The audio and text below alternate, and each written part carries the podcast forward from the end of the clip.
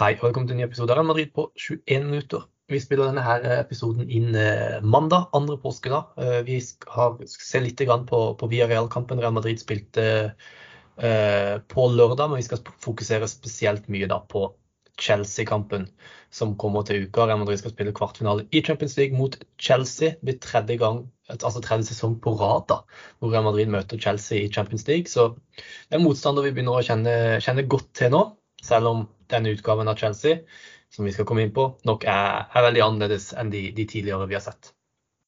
Men med til å prate om dette har Martin. Hei. Hola! Vi kan jo starte litt, da, bare for å gjøre oss ferdig med det med en gang, med denne Villarreal-kampen på lørdag. Um, ligaen er jo avgjort. Real Madrid har ingenting å spille for i ligaen, annet enn at de har jo faktisk et, et Atletico Madrid da, i god form bak seg. Så det er liksom, skal man satse på andreplassen, eller skal man prioritere f.eks. Champions League, da. Det er litt det dilemmaet man, man, er i nå. Um, men det jeg husker veldig godt fra forrige sesong, da ligaen var avgjort i favør Real Madrid, så ga jo det muligheten til Ancelotti til å rotere og få selvtillit til flere av de, de viktige spillerne i laget som, som, trengte det. Han var veldig god på, på å manøvrere det landskapet der. Da. På lørdag eh, det var gode tendenser til tiår. Eh, Venicius var god, eh, men så ender du da med tap til slutt. Hvordan er din sånn feeling etter den kampen? Eh, tror du det påvirker Real Madrid-spillerne noe som helst? Tror du det kan være en negativ påvirkning sånn rent sånn eh, selvtillitsmessig, men også med tanke på motivasjon osv.? Jeg vet ikke, hva, hva tenker du om, om, det, om å tape på den måten der? Altså, Det er jo aldri gøy eller sunt å vinne fotballkamper. Det er det ingen tvil om. Men litt det inntrykket jeg får av det Madrid-kampen nå på lørdag, er sånn den spilles, eh, og man eh, roterer litt på laget, så syns jeg man kan se litt sånn tendenser til at OK, jeg nådde ikke den ballen. Ja, ja. Det er en lite, lite hint av likegyldighet eh, som for så vidt er forståelig når status i La Liga er som den er. Eh, og det gjør jo at jeg tror det tapet her egentlig blir, som det heter på engelsk, 'water under a bridge'. Og jeg tror man har fått eh, det ut av hodet veldig veldig fort, og at man er veldig klar over at eh, det er rett og slett ikke der sesongen avgjøres lenger, denne sesongen her.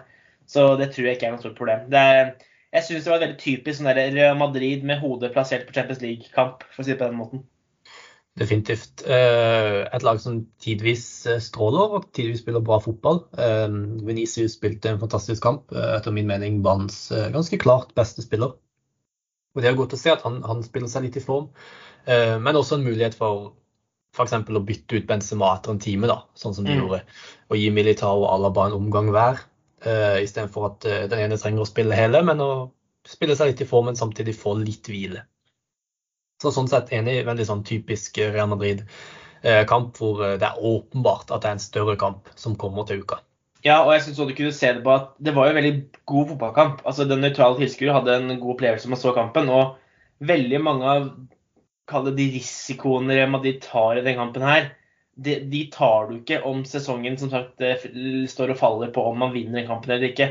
Det, det var til tider veldig Hawaii-fotball og igjen veldig gøy å se på. Men uh, det er en type usikkerhet som man jo har sett at Madrid egentlig i hvert fall prøver da, å unngå etter beste evne eh, når det virkelig gjelder som mest. Så mm. det syns jeg man kunne måtte se det på at som sagt, det er, ikke, det er ikke det her som er det viktigste. Nei. Og det er, og det er også noe med at um, han faktisk velger å gå for kun to defensive midtbanespillere og uh, fire angrepsspillere. For eksempel, altså, det at han går for Chuameni og Ceballos, som gjør, er ganske tynt defensivt, tyder på at um, dette var litt for å eksperimentere, men også litt rett og slett bare for å angripe. Og så ser vi hva som skjer. For det er ikke så farlig lenger. Tror jeg egentlig var litt mentaliteten til Angelotti inn i denne matchen her. Mm. Men da tenker jeg vi kan hoppe videre til det som jeg tenker er mest interessant, eh, nemlig Champions League kvartfinalen mot Chelsea. Eh, den skal spilles på Santiago Bernabeu på onsdag. Eh, og det er et ganske sterkt Real Madrid-lag, vil jeg si. Selv om de har slitt litt i, i, liga, så er de på en måte, de har vist at de har vært gode i de store kampene. Blant annet ved å knuse Barcelona på, på kamp nå for bare en ukes tid siden. Og et Chelsea-lag som er i, annet, uh, i, en helt annen situasjon. Hvordan ser du på dette Chelsea-laget? For dette er et, et Chelsea-lag som um, vant Champions League bare for det som da snart begynner å bli to år siden, under Thomas Tuchel. Da slo de ut Real Madrid på overbevisende måte. Kanskje ikke måltavla nødvendigvis var ydmykende, så var Chelsea milevis bedre enn Real Madrid. Og fantastisk strukturert, gode angrepsspillere, men først og fremst et bunnsolid forsvar. I fjor under Tuchel Eh, litt svakere, Chelsea var dårligere, de mangler fortsatt den spissen. Eh, og da hadde Real Madrid ganske, ganske, god kontroll i det første oppgjøret, men måtte allikevel kjempe seg tilbake i det andre oppgjøret. Nå, denne sesongen har vært kaos for Chelsea. Eh, brukt milliarder og milliarder på, på, masse forskjellige spillere som ikke helt fungerer sammen. De har tre forskjellige trenere denne sesongen og sitter nå med Frank Lampard som sånn midlertidig manager. Spilte sin første kamp i helga. Tapte 1-0 mot Wolves. Så hva, hvordan er din feeling om dette Chelsea-laget nå? Jeg syns det er ganske skummelt Chelsea-lag. Og uh, jeg får på en måte litt, uh, litt vibber til den sesongen Roberto Di Matteo kom inn. og Det er jo nå over ti år siden. For da var det jo litt kaos i Chelsea midtveis i sesongen. Og så husker jeg ikke i av hvem det var man sparka, men i hvert fall kom Roberto Di Matteo, uh, som hadde vært vel assistent det var Andres, Andres Vias Boas sparka, så han har vært assistent under Vias Boas. Eh, som kom inn, og da kasta man egentlig ligaen på sjøs eh, og satsa alt på Champions League. Og så hadde man den famøse det var vel semifinalen da på Camp Nou hvor Fernando Torres eh, skåra og avgjorde. Eh, og man vant til slutt Champions League. Eh, og jeg, jeg syns liksom sånne lag som som på mange måter er litt døde begravet i hjemlig liga og kan satse alle, alle egg da, på, um, mm. på Champions League, er litt skummelt. Heldigvis, i den sammenhengen her, så gjelder jo på mange måter det samme for Real Madrid. Eh, ikke at de er helt akterutseilt, men de har ingen sjanse til å vinne La Liga, og Champions League-plassene er eh, eh, ganske trygge. Så det, de har liksom ikke så mye å satse på hjemme, de heller. Eh, jeg syns liksom det er litt sånn skummelt. Det er veldig, veldig mange da, som ser på Real Madrid som kjempefavoritter her. Eh, og at det her skal være veldig grei skuring. Jeg syns det er litt skummelt, for Chelsea har så mange gode individualister som eh, på ett øyeblikk kan snu en kamp som det her på hodet. Og vi husker jo veldig godt hvordan ting så ut over to kamper i fjor. Eh, og jeg er veldig spent på det hva vi får møte nå, men jeg tror at hvis Real Madrid får en tidlig skåring eh, i hjemmekampen og vinner den forholdsvis komfortabelt, så er veldig mye gjort. Men så er det jo faktoren om at i fjor så avslutta man på Santiago Bernabeu. Det har vi snakket mye om. Eh, nå skal det hele avgjøres og avsluttes på Stamford Bridge. og Det kan også bli en avgjørende faktor. Absolutt. Um, jeg syns på en måte det som er uh, litt skremmende også, er jo at som du sa, det var ikke bare Roberto Di Matteo, men også da Tuchel kom inn, så had, tok jo han over etter Det var Frank Lampard som fikk sparken. Ja. Eh, og da var det jo da trekte, Det var vel eh, i semifinalen. Da var det også sånn at da de lagene ble satt opp mot hverandre, så var Chelsea et helt annet lag enn det Chelsea-laget Real Madrid da møtte. Eh, Tuchel fikk de i gang på en helt annen måte enn det Frank Lampard uh, fikk til, og heva det laget helt vanvittig. Og Det er jo noe, det, det er litt den boosten du kan få da, av ny manager, litt nye ideer. Um, kanskje du kan få fram litt nye spillere som ikke har starta så mye under den forrige treneren. Og som kan få en litt sånn boost av det. og Det er jo gjerne det man kaller den derre ny manager-boosten, da. som man gjerne kan få i, i, den tida etter man har ansatt en ny trener. Eh, jeg er litt usikker på om Frank Lampard er en god nok trener til å gi en sånn derre eh, veldig eh, overbevisende taktisk endring hos Chelsea. Det, det tror jeg ikke. men det han kan gjøre, er f.eks. gi en sånn mental boost til mm. spillere som kanskje litt yngre spillere, som f.eks. Um, Mason Mount, som var veldig god under han tidligere, Christian Pulisic. Um, og så en del av de litt yngre engelske spillerne som han henta inn i laget. Da. Så jeg, jeg, tror på en måte at han kan gi en litt sånn mental boost. Han har vært i disse kampene før, han har vunnet Champions League. Uh, han vet hva dette dreier seg om, og det tror jeg kan være en fordel for, for Chelsea. Selv om jeg absolutt mener at Lampard ikke er noe taktisk geni. Det, det er jeg ganske tydelig på. Og det er jeg helt enig i. Ja. Um, vi kan jo ta litt hva vi forventer av Chelsea når det kommer til laget de sitt. Um, vi har jo veldig lite å basere det på.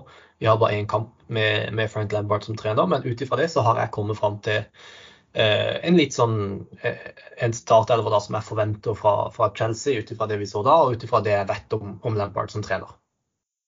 Um, det er jo Kepa som har vært keeper for Chelsea denne sesongen, det fortsetter han som. Og det mest interessante her er jo at uh, Chelsea mest sannsynlig kommer til å gå tilbake til 4-3-3 under Lampard. Det er det Lampard alltid har gjort. Uh, dette laget er nok mer bygd for å spille med tre bak eller fem bak, om du vil. Men det virker som at eh, Lampard foretrekker 4-3-3. Det spilte de også mot Wolves. Uh, Reece James er tilbake. Uh, da blir det Reece James, mest sannsynlig for Fana og, Kolibali i forsvar. Og så ser jeg for meg at det blir Ben Chilwell på venstre back. Um, midtbanen blir nok Enzo Fernandez, Kovacic og litt usikkert her, men en god Kanté eh, som nok ble hvilt i helga kun for å være 100% fit til denne kampen. Så det blir nok midtbanetrioen der. Og så eh, Joao Felix, eh, Kai Havertz og Raheem Sterling blir nok eh, angrepsrekka, som jo egentlig i utgangspunktet høres eh, ganske bra ut. Ingen Pierre-Emerick Aubameyang. Eh, han ble brukt faktisk av Frank Lampard i helga, men eh, han er ikke registrert i Champions League-troppen, så de kan ikke bruke han. Som jo er helt, helt vanvittig å tenke på. Når du hører det laget der, eh, hva tenker du? Er det et lag som er kapable til å slå ut Real Madrid over to kamper? Ja, eh, det må jeg vel si jeg syns. Eh, hvis man skal se litt sånn enkeltspiller for enkeltspiller, så eh, står ikke det Chelsea-laget tilbake for veldig veldig mange andre lag i fotball-Europa. Men det er jo den magien da med å ha et kollektiv. At spillere jobber for hverandre, og at disse individene er satt i et system som gjør at totalen blir veldig, veldig bra. Det er jo det Chelsea har slitt med hele sesongen, og som jeg tror de fortsatt skal slite med. Uh, mm. Men litt som jeg var inne på med enkeltindivider, altså jeg kan fort se for meg Jao Felix uh, uh, utnytte en nokså nok sløv defensiv jobb av Danny Carvahall og sette inn en scoring. jeg kan på samme måte se for meg Kai Havertz smelle et langskudd. vi så Mason Mount fyre av et langskudd på Santiago Arnabeu for et års tid siden. Altså, det er veldig mange individer her som kan gjøre det, men om summen av kollektivet Chelsea er godt nok til å slå ut Real Madrid, det er jeg mer usikker på. Men eh, jeg understreker at jeg er ikke så selvsikker som det virker som veldig mange andre er. Nei. Jeg tror det er veldig lett å undervurdere dette Chelsea-laget. De har masse kvalitetsspillere. Det er greit nok at de ikke har lært seg å spille så godt sammen enda. Eh, men hvis, og det, det, Nå skal vi ikke fokusere for mye på det, men det er også en grunn til at jeg mener at det var feil å sparke Graham Potter.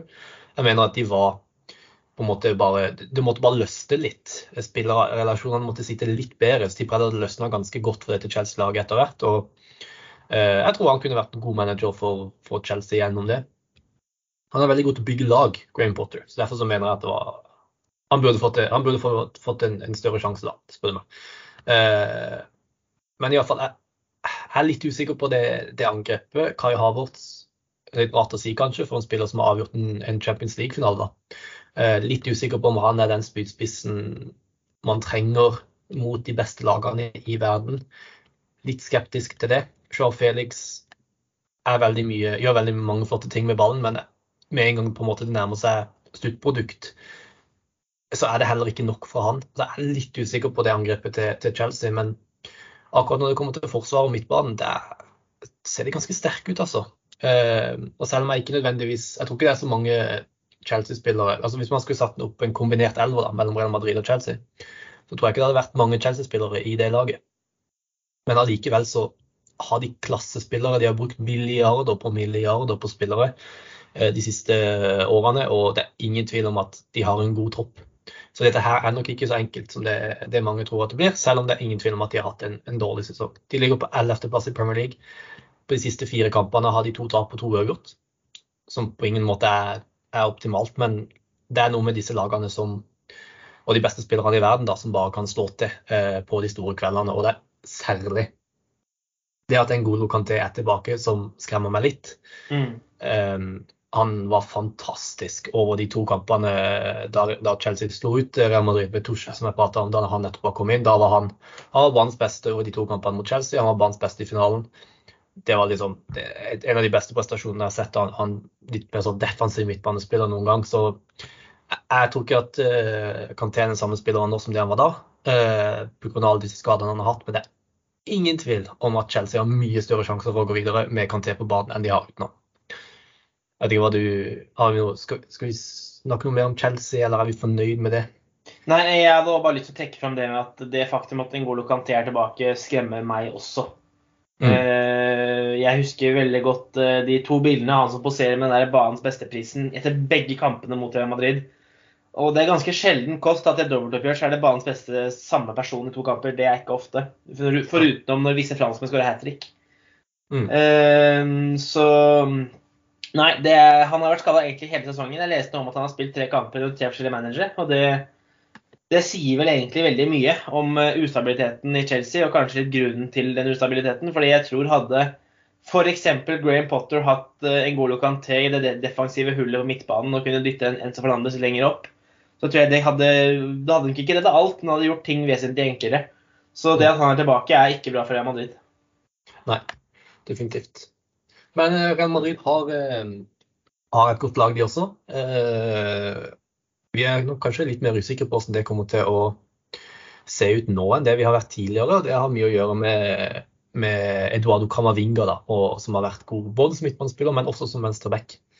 Uh, Derfor tenkte jeg vi kunne prate litt om, om Real Madrids lag, hvordan vi forventer at de kommer til å se ut. Uh, og det største spørsmålet er jo hvor spiller Kamavinga? Uh, så jeg tenker å sende den rett til deg. Spiller Kamavinga venstreback, eller spiller han sentral midtbane? Defensiv midtbanespiller mot Chelsea på onsdag. Jeg er ganske sikker på at Kamavinga starter som venstre back. Når Karl Anslotti velger å kjøre Kamavinga som venstre back på kamp nå, i det som jo faktisk var en av sesongens aller viktigste enkeltkamper, så, og det funka så bra som det gjorde, så er jeg ganske sikker på at han fortsetter med det mot eh, Chelsea, og at Kamavinga er venstreback. Ja, det høres jo veldig sannsynlig ut, og han var jo en av banens beste spillere i den kampen. Så med, å, altså, hvis man ser på den Villarreal-kampen, for ikke slippe den helt Den prestasjonen som Nacho hadde mot uh, Chukwese Jeg tror ikke han har sovet ennå, for han er fortsatt svimmel. Uh, så jeg tror nok at uh, Jeg er enig med deg jeg ser for meg at Kamavinga kommer til start som venstreback. Og da er jo spørsmålet blir det Og som blir midtbanen, da? Er det sånn at vi får se Rodrigo på høyre kant og Valverde i midten, eller ser du for deg mer eh, den klassiske Chuameni, Kroos og Modric med Valverde som høyrekant. For Rodrigo har jo vært i god form i det siste er fantastisk mot Barcelona. Og Valverde, du vet jo hva du får med Valverde. Du får løpskraft og du får energi og stå på vilje, men han har ikke vært i sin beste form etter VM. Det, det, det kan man ikke uh, legge skjul på. Hva tenker du om det? Jeg syns det her er veldig vanskelig. Jeg har egentlig gått absolutt hele sesongen og uh, uttalt meg om at uh, Modic, Kroos, Chouameni er, er, det som Modic, Casemiro, Kroos en gang var. Eh, men det er det ikke. Chouameni har, om ikke spilt seg ut, så er fall, Han er jo ikke så fast i elveren som han var i starten av sesongen. Holdt, holdt, på å si med rette. Så ble jeg veldig overraska over at man starta med Cross i dypet mot, uh, mot, Barcelona. Og når det fungerte så bra, så er jeg litt sånn hm, Kommer man til å kjøre Modic, Cross, Valverde og Rodrigo der framme? For jeg syns det som formasjon egentlig fungerte veldig bra. Ja. Uh, så må man også se på oss hvem som starta nå i helga mot, uh, mot Villarreal. Og igjen, det er jo en grunn til at Kamavinga ikke spiller der. Det er fordi han hviles, slik jeg ser det. Mm. I tillegg så satt jo Cross, Modic og Verde på benken. Den ja. eneste, eneste, av de tre som ikke kom inn, var Cross, og det gjør at jeg er 100 sikker på at Cross starter. Uh, skal jeg da ta et, uh, en vill gjetning, så lurer jeg faktisk på om Ancelotti kjører mer eller mindre blåkopi av det som fungerte bra mot Barcelona. Nemlig at midtballen består av Modric, Kroos Valverde. Ja, jeg kan veldig godt se for meg at um, at Ancelotti velger å gå for akkurat samme lag uh, mot Chelsea som det han gjorde mot Barcelona. Fordi at det fungerte bra. Det var Jeg tipper at han føler at mye av jobben må være gjort på Santiago Bernabeu. Eh, bare fordi da har man den fordelen av å spille på hjemmebane. Eh, og at han er trygg på at spillerne kan trygge inn en, en seier da. Eh, derfor så tror jeg at han kommer til å ha en relativt offensiv tilnærming til denne kampen. Og det trengte de på kamp nå. Derfor så gikk han nok for det laget han gjorde. Og det gir en sånn Det jeg liker med, med akkurat det laget han hadde da, var at det gir en sånn god balanse mellom den litt eldre garden, de, de, rutinerte spillerne som vet hva dette går i, men som kanskje ikke har den løpskraften og energien som de hadde for ti år siden. Og det mm. kombinerer det godt med løpskraften til Valverde, med løpskraften til Rodrigo, eh, med Kamavinga, som er et litt mer offensivt tilskudd på venstre back enn det både Mendy og Nacho er. Så de er på en måte en sånn god blanding. og Det er noe vi har pratet om hele sesongen. Denne balansen mellom erfaring og kontroll og energi og press. ikke sant? Jeg syns han har funnet en ganske bra balanse, kun ut ifra det vi så der mot Barcelona, mellom energi, kreativitet, fart og kontroll og erfaring når han spiller med Valverde, Cross, Modric og Rodrigo. Det fungerte veldig godt mot Barcelona, så jeg, jeg håper at vi får se det. Selv om jeg på ingen måte hadde vært imot å se Dani Ceballos eller Chouameni fra start, så bare tror jeg ikke at det kommer til å skje. Jeg tror ikke at det er realistisk. Jeg er enig med deg. Jeg tror det blir en, en ganske ren kopi av laget mot, som spilte mot Barcelona. Ja, og skulle jeg, altså skulle jeg tatt ut en av de tre, så hadde det valget faktisk falt på å ta ut Cross. Eh, og da må det sagt at jeg tror man kommer til å starte med Modic, eh, Chouameni, Valverde. Men når som sagt da Tony Cross satt eh, samtlige minutter på benken mot Villarreal, så eh, føler jeg meg veldig sikker på at han starter. Og da ser jeg ikke helt noen annen konklusjon enn at det er den midtbanetrioen som, eh, som var tidlig fra start. Ja, det, det virker jo sånn. Eh, et annet spørsmål er jo kanskje om det blir Alaba eller Rydegård. Rydegård har jo vært litt ute med, med skade og er litt eh, Det er ikke noe alvorlig, da, men han har ikke starta de siste kampene, og Alaba har vært tilbake. Så det er jo et annet spørsmål. Jeg, jeg hadde vært overraska om det ikke er Rydigård.